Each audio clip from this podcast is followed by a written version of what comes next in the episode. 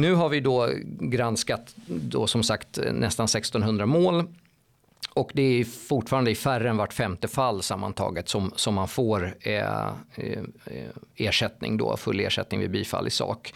Det är vanligare faktiskt att man inte får någon ersättning alls när man får rätt. Det är i en, en fjärdedel av fallen. Eh, och totalt av de yrkade beloppen när man får helt eller delvis rätt i sak så är det bara runt en fjärdedel av de yrkade beloppen som medges. Så det, det är fortfarande väldigt svårt att få ersättning även när man vinner.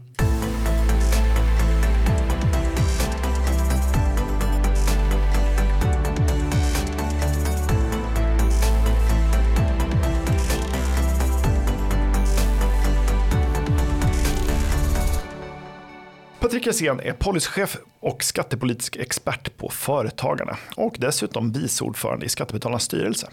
Han är också verkställande ledamot i stiftelsen Rättvis skatteprocess som nyligen har släppt rapporten Har man råd att överklaga? om ersättningar för processkostnader i skattemål.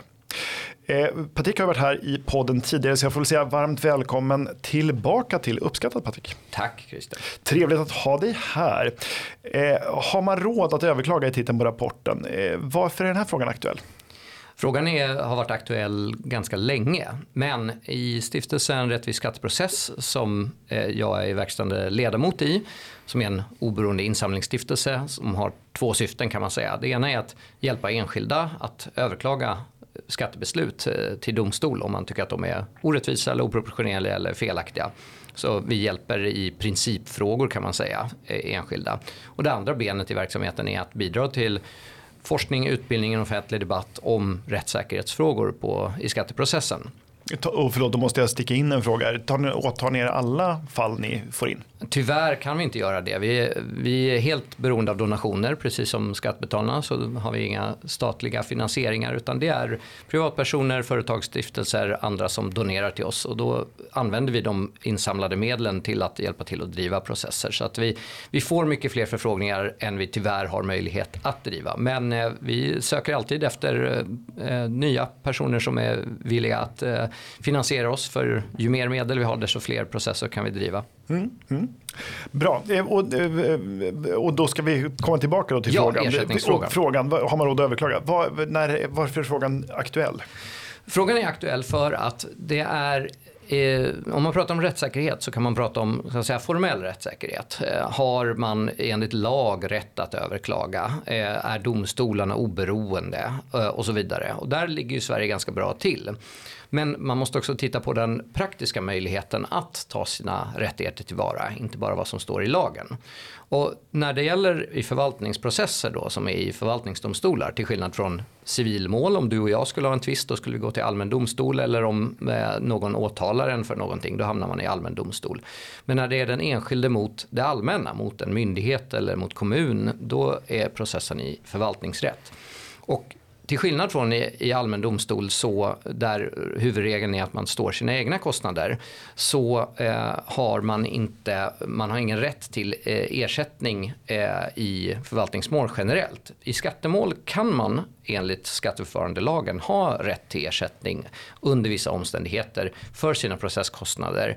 Den huvudsakliga grunden för det är om man vinner i sak, alltså om man får rätt mot Skatteverket som, som enskild.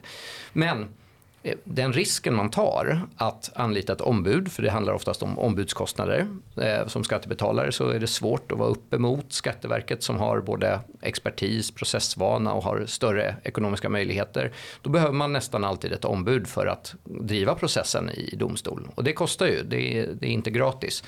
Om man, om man då inte är medlem i Skattebetalarnas förening och har ett skatterättsskydd så har man ju våra fantastiska jurister som, som kan bidra om det finns möjlighet till en positiv utgång. Förlåt, det var, Nej, jag var bara tvungen att göra lite reklam. Där. Det, är en utmärkt, ja. det är en utmärkt sak med försäkring och det finns mm. ju andra typer av ansvarsförsäkringar och liknande på marknaden. Men skattebetalaren i gemen eh, som inte är medlem då och har skatterättsskyddet eh, har inte den här försäkringen.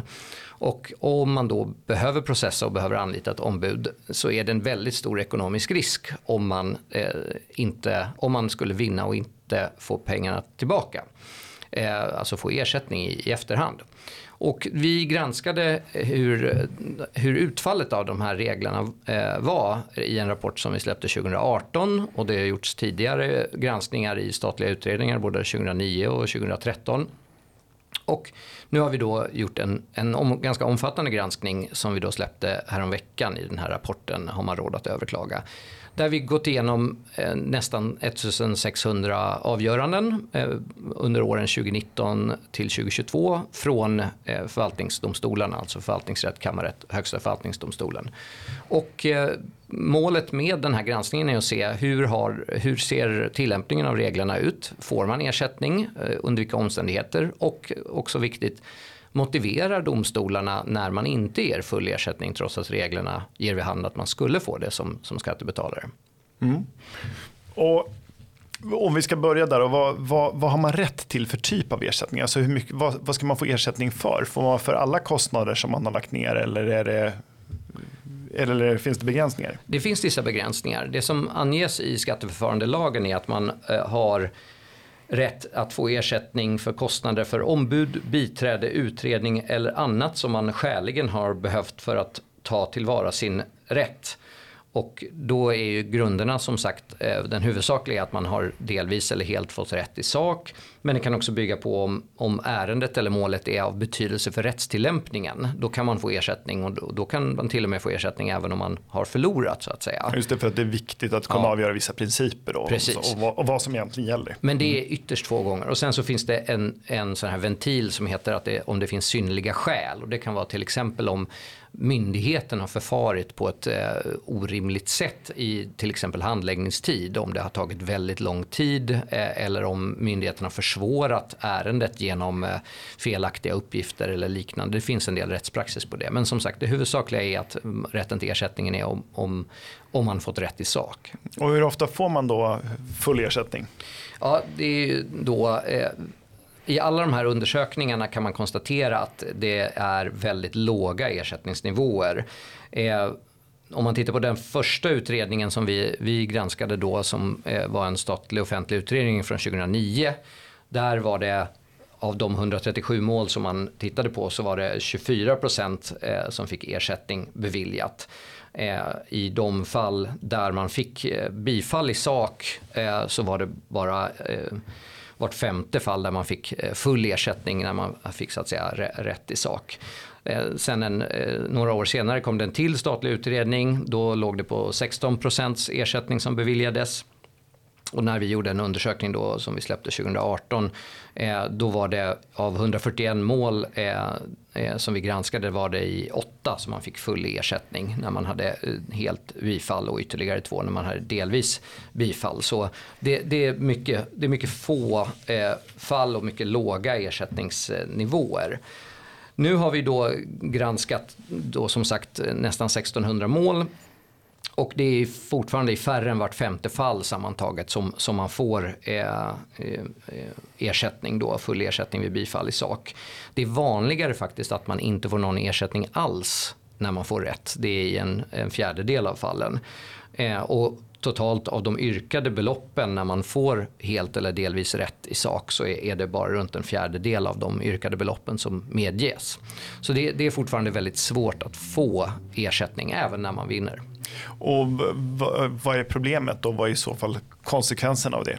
Och problemet är att det höjer risken för att överklaga. Även om man kan, antingen själv eller tillsammans med sitt ombud, konstatera att man, att man har ganska god chans att få rätt så är det upp till den enskilde att eh, fundera. Ja, låt säga att det i snitt är 20-25 procents eh, chans att få ersättning. Och så kan det vara en längre process, då kan det handla om Ja, I komplicerade fall kan det handla om hundratusentals kronor eller mer.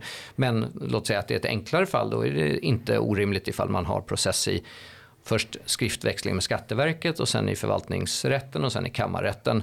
Ja, då kan det ju landa på 100-150 000 kronor. Och ja, om skatte eh, i, i, ersättning eller i ombudskostnader mm. som, man, som man ska yrka ersättning för.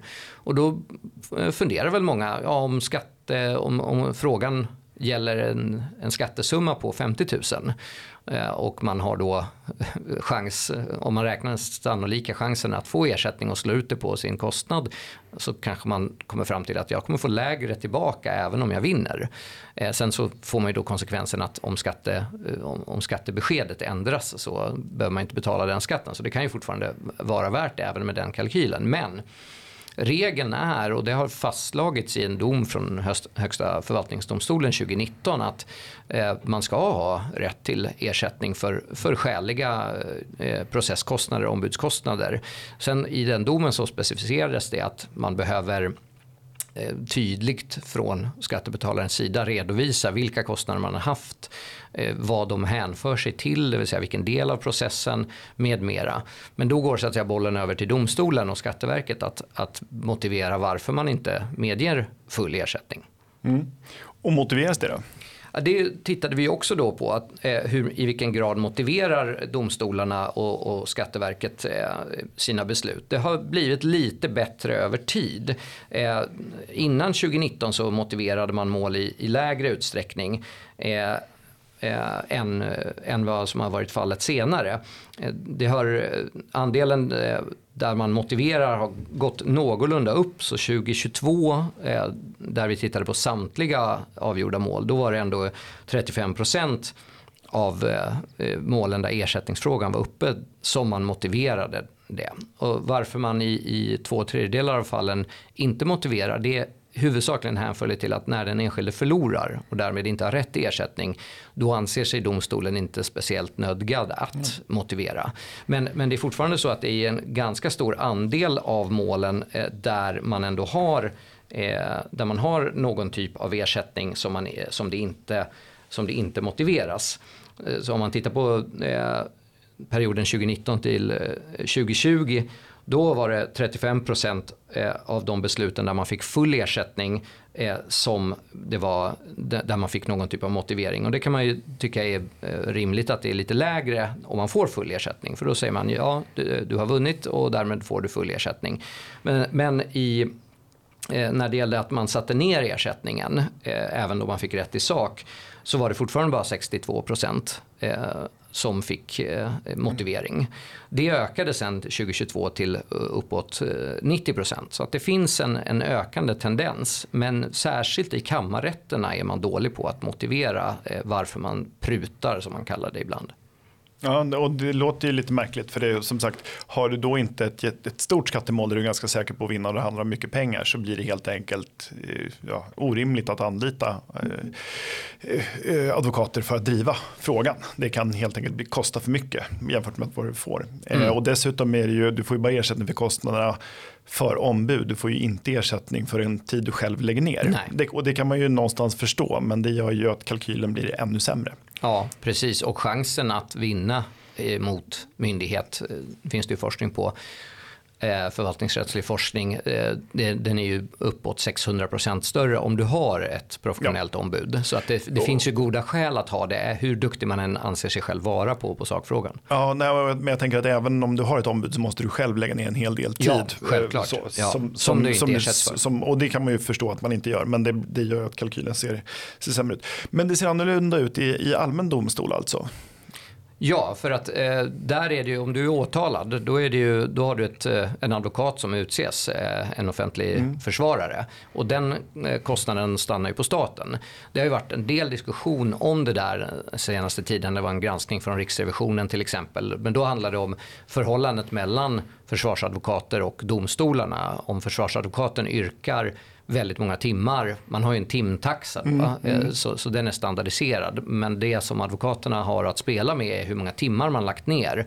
Och där kan ju domstolen eh, med, eh, meddela att det kanske inte är skäligt fullt ut. Så det sker ju en viss prutning där också. Ja, och det har man ju hört talas om. Alltså ja. advokater som debiterar fler timmar än som finns i en normal arbetsvecka. Ja, och huvudregeln när det gäller en, en civilrättslig tvist är att eh, parterna står sina egna kostnader. Mm. Det där har ju också ifrågasatts. Om det är en civilrättslig tvist om någonting och en part är väldigt mycket mer förmögen än den andra så har den råd att eh, förlänga processen, den har ju råd att kanske ta in eh, expertutlåtanden eh, och annat. Vilket gör att den får, ja, den får större chans att, att få rätt. Men där ska ju domstolen så att säga döma på det som läggs fram vid huvudförhandlingen. Så att det är ändå sakfrågan som avgör. Eh, inte, inte så att säga per se hur stor plånbok man har. Men, men det där har varit en diskussion under väldigt, väldigt många år om, om det är rättvisa regler. Det finns ju möjlighet till rättshjälp eh, för vissa. Men de reglerna är också tämligen begränsade. Mm. Så det, det, du säger egentligen, det är lite svårt. Det, det, här är två, eh, två olika system som inte riktigt går att jämföra med varandra om du är allmän domstol eller förvaltningsdomstol. Nej, och dessutom är det ju så att i förvaltningsdomstol så eh, har man den, en etablerad princip sen, eh, i princip då sedan 70-talet när förvaltningsdomstolarna infördes att, som kallas för kvittning. Att man, eh, så att säga, ingen, ingen står eh, ingen står någon kostnad. Mm. Staten står ju för, menar, om du processar mot Skatteverket så står Skatteverket för sina egna kostnader och då ska du stå för dina egna. Men när det gäller just eh, skattemål så finns det ett undantag från den generella förvaltningsrättsliga principen, just den här regeln i skatteförfarandelagen att man kan ha rätt till ersättning. Och det har motiverats, det är från sent 80-tal de reglerna eh, kom.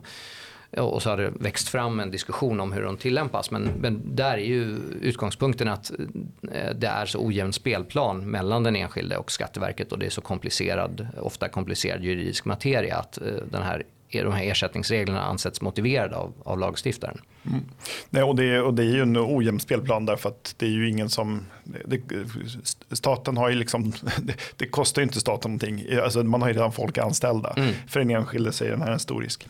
Eh, när ni presenterade den här rapporten så var ju våra skattejurister med eh, och då Eh, avhandlades en fråga om förvaltningsprocessen och ni talade då om officialprincipen som gäller vid förvaltningsprocesser och omedelbarhetsprincipen som gäller i allmän domstol. På seminariet beskrevs att officialprincipen har som konsekvens att den enskilde börjar i brant uppförsbacke. Vill du förklara för den som inte är bekant med de här principerna vad de innebär och vad de kan ställa till med för den enskilde? Ja, det här är lite knepig juridisk, eh, säga juridiska begrepp men mm. det, omedelbarhetsprincipen i eh, enkelt uttryckt innebär att i, allmänna, I processer i allmän domstol så ska domstolen döma utifrån det som presenteras vid huvudförhandlingen eh, och egentligen ingenting annat. Medan officialprövningsprincipen eller officialprincipen i förvaltningsprocessen innebär att domstolen har eh, till ansvar att se till att det blir en materiellt riktig dom och kan då beakta annat än det som har lagts fram vid förhandlingen. Nu, eh, nu är det ju så att det, den här officialprincipen den härstammar från en tid då eh, förvaltningsprocessen inte var en så kallad tvåpartsprocess. Det ansågs inte att det var den enskilde mot det allmänna utan det var att den enskilde kom inför domstolen och var så att säga enda parten. Och eh, officialprincipen eh, blev aktuell då när man sen på, i mitten av 90-talet gick över till att förvaltningsprocessen blev en tvåpartsprocess. Eh, man gick över till det man kallar kontradiktion eller förhandling, alltså att det är två parter som är mot varandra. Mm. Och, eh, kontradiktionsprincipen eller den här tvåpartsprocessen lägger utredningsansvaret på parterna. Alltså att eh, parterna ska lägga fram underlag för varför de hävdar det de hävdar. Och då har eh, lagstiftaren, eh, riksdag och regering i förarbeten till förvaltningsdomstolsreformen eh, på 70-talet har uttryckt ganska Eh, klart att man räknar med att den enskilda kommer ha det svårare än det offentligas företrädare att, eh, ha, att fullgöra det här utredningsansvaret. Och då är den här officialprincipen tänkt att utgöra någon slags kompensation att man ska få fram de här materiellt riktiga domarna och att det ska vara grunden för rättssäkerheten. Det vill säga att man ska veta att man kommer till rätt beslut genom att domstolen kan gå in och, och så att säga fylla ut och även eh, ägna sig åt process ledning. Men om det är så att det uppfattas att det här ut, eh, den här officialprincipen leder till att man eh, gynnar den ena parten mera i, eh, i förfarandet då från domstolen. Då, då eh, oberoendet och objektiviteten hos domstolen kan då komma att ifrågasättas. Så det är frågan om hur, hur pass god grund är det för rättssäkerhet egentligen. Jag, jag har läst en del kritiker av officialprincipen som menar att om man har ett ombud så ökar det rättssäkerheten och även effektiviteten för den enskilda. För då blir det ju dels eh, blir det tydligare eh, att eh, man har en, en jämnare, ett jämnare utgångsläge vad gäller just den här utredningen. Och eh, den här, det finns ju något hos myndigheter som heter objektivitetsprincipen. Alltså att man ska vara objektiv och, och utreda saken på ett objektivt och neutralt sätt. Men den principen slutar ju gälla när eftersom det numera är en tvåpartsprocess, när myndigheten eller det offentliga blir en part mm. i förvaltningsprocessen. Eh, så att man kan ifrågasätta den här officialprincipen för att ofta i praktiken är det så att Skatteverket har gjort en utredning, den enskilda har svarat men eh, i domstolen så tittar man på Skatteverkets utredning och, och så att säga utgår ifrån den mer eller mindre. Så det krävs då mer av domstolen för att eh, ska säga, jämna ut den här spelplanen samtidigt som då domstolen inte ska eh, gynna den enskilde egentligen. Den ska ju vara, den ska ju vara neutral. Så då blir frågan, officialprincipen sen man införde den här tvåparts, eh, tvåpartsförfarandet eller tvåpartsprocessen så har eh, poängen med den har skiftat eh, eller så säga, betydelsen av den har skiftat. Och det har också aktualiserat den här frågan om rätten till rättvis rättegång som ju också eh, ungefär vid samma tid då i mitten av 90-talet kom in i svensk rätt genom att Europakonventionen infördes i svensk rätt där man enligt artikel 6 har en rätt till en rättvis rättegång och då är det ju de, de, den faktiska möjligheten att ta sina rättigheter tillvara och det är ju ett argument för varför man bör kunna få ersättning för ombudskostnader i större utsträckning. Att eh, man kan inte förlita sig på, på domstolen och officialprövningsprincipen. Eh, Nej, och som jag har förstått det då så blir det ett problem med det här att om man får då ett felaktigt beskattningsbeslut som man sen överklagar då är ju förväntan man skulle kunna ha att domstolen då ska pröva om grunderna som Skatteverket anger för sitt beslut, om de håller eller inte. Eh, men är det det som sker eller gör officialprincipen att helt andra saker kan lyftas in? Det, det, finns ju möjlighet att lyfta in så gott som vad som helst, både vad gäller kan säga, den juridiska grunden men även omständigheter i övrigt. Alltså, officialprincipen är, eh, den bygger på förvaltningsprocesslagen som är mycket mer kortfattad än den mer omfattande rättegångsbalken som, som, styr, eh, som styr förhandlingarna i, i, eller förfarandet i allmän domstol. Eh, och, eh, när det handlar om det här målet om att uppnå materiellt riktiga domar som ska då vara förutsägbarheten och, och rättssäkerheten för den enskilde. Då beror det också på hur tydlig är lagstiftningen skriven. Mm.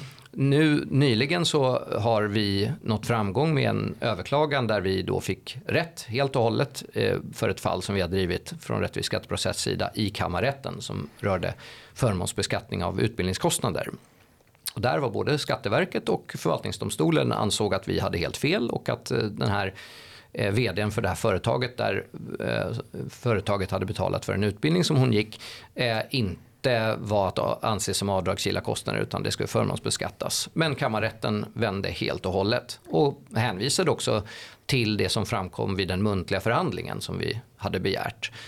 Eh, så att eh, hur, eh, hur, vilken betydelse som kan säga, domstolens eh, processledande funktion eh, och officialprincipen, eh, vilken betydelse det har, har dels att göra med vilka parter det är och dels att göra med också vilken sak det handlar om.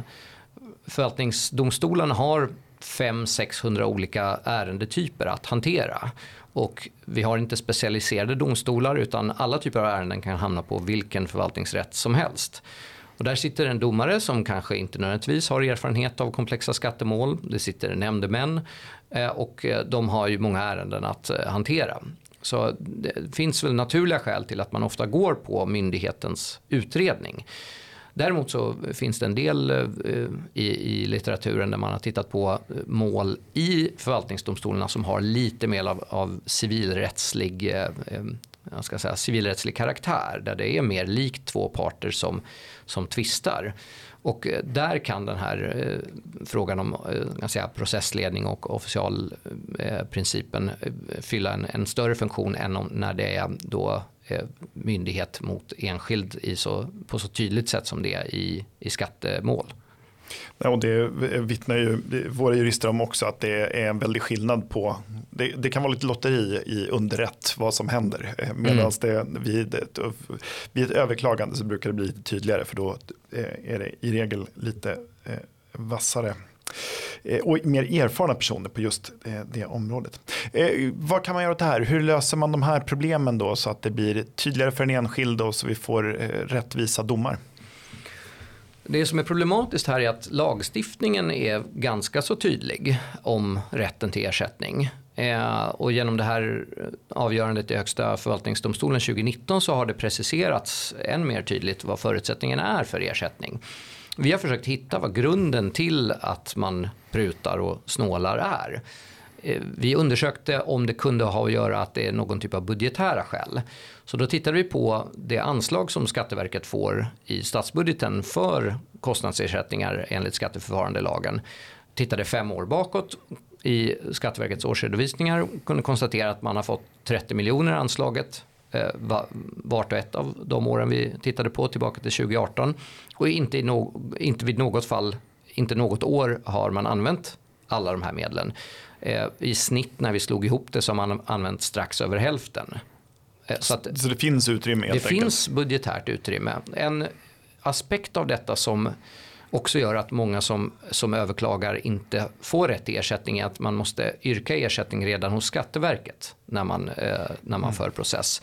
Man kan inte komma och yrka det till förvaltningsrätten då när, när det väl är förhandling där. Det är många som missar det. Och eh, därmed så går de miste även ifall de skulle ha rätt eh, till eh, eh ersättning. Det är en sån, liksom, formell regel som gäller att, att hålla koll på. Och det här antyder att eh, domstolarna går i stor utsträckning på vad Skatteverket säger och det är Skatteverket som eh, anger vad man anser vara skäligt.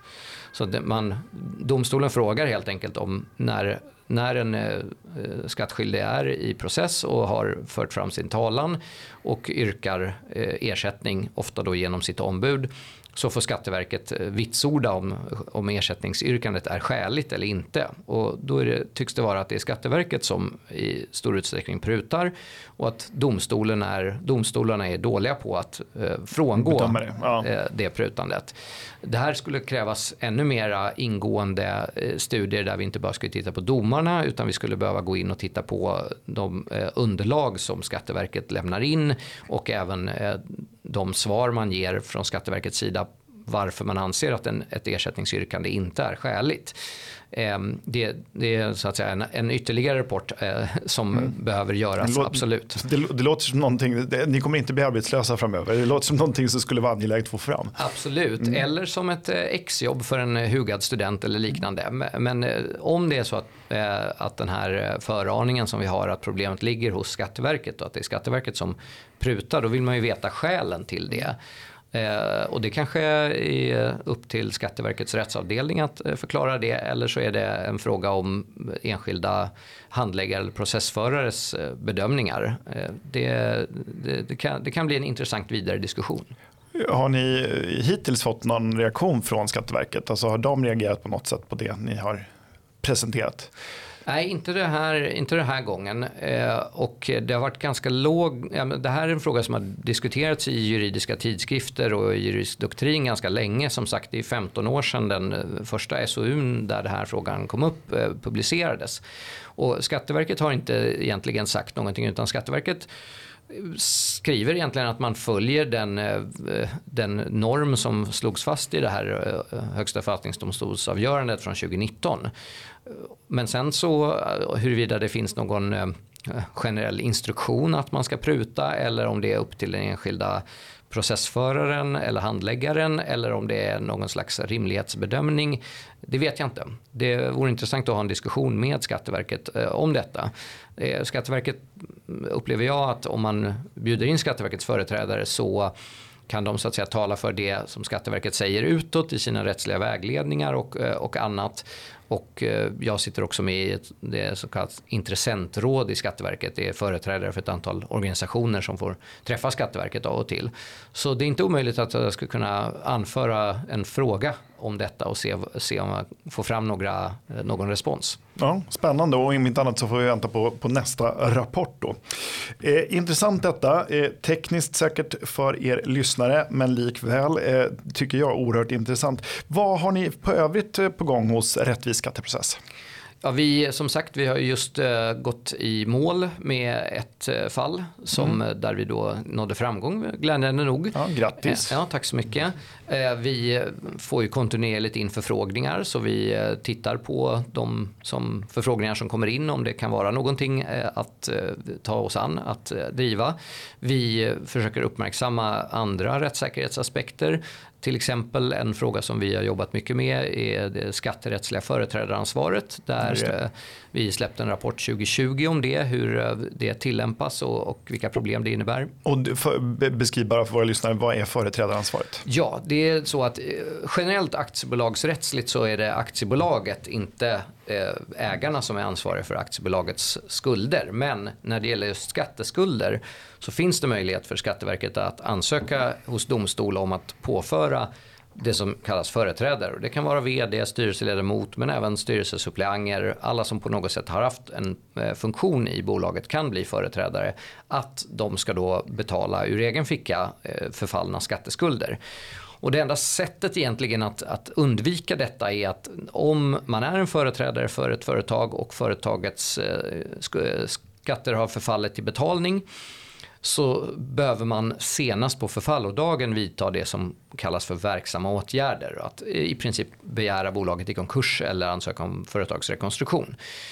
Och dels så finns det en krock då mellan normen som aktiebolagslagen föreskriver och normen som det här skatterättsliga företrädaransvaret eh, föreskriver. För att en företrädare för ett aktiebolag ska ju egentligen enligt aktiebolagsrätten ta hänsyn till hela borgenärskollektivet, det vill säga alla som har anspråk eh, på företaget. Alltså anställda, hyresvärdar, eh, leverantörer som ska ha betalt eh, och, och även förstås myndigheter. Men ur skatterättslig synpunkt så ska man betala bara skatterna och då spelar det ingen större roll om du behöver göra det på bekostnad av alla andra borgenärer.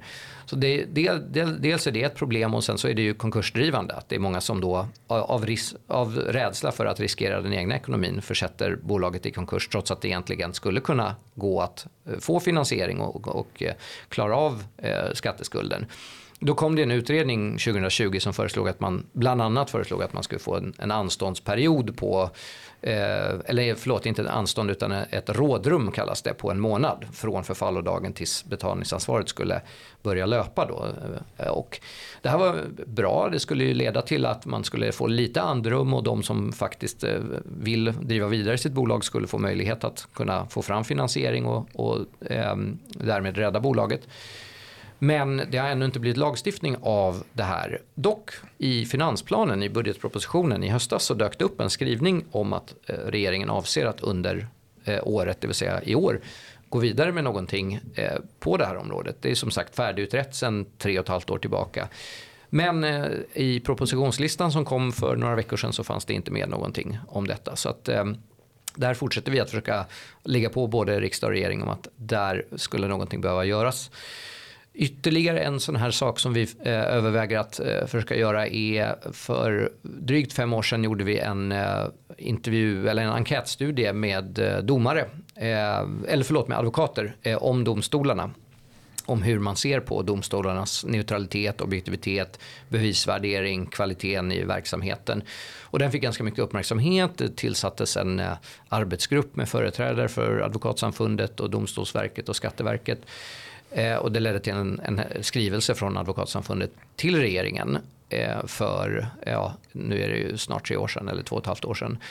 Det har inte blivit någonting mer när det gäller det eh, initiativet heller. Så vi eh, ska försöka under 2024 följa upp den här domstolsrapporten från 2018 och se, har någonting hänt på det här området eller är det fortfarande så att väldigt många ombud upplever att det är bristande objektivitet och kvalitet?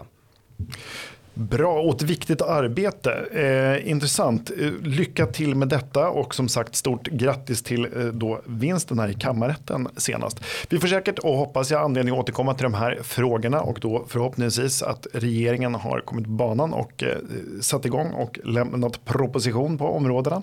Eh, stort tack för att du kom hit idag Patrik. Tack så jättemycket. Trevligt att ha dig här. Uppskattat, det är en podcast från Skattebetalarnas förening. Vi arbetar för låga och rättvisa skatter, rättssäkerhet för skattskyldiga och minskat slöseri med skattepengar. Vi bildar opinion och folkbildar i skattefrågan och vi lever som vi lär och tar bara emot frivilliga bidrag. Uppskattar du podden så kan du gärna ge oss ett gott betyg i en app och vill du medverka till att Sverige blir ett land med minskat slöseri och rimligare skatter så stödjer du oss enklast genom att bli medlem. Läs mer om medlem på www.skattebetalarna.se bli medlem. Till nästa vecka, ha det så bra.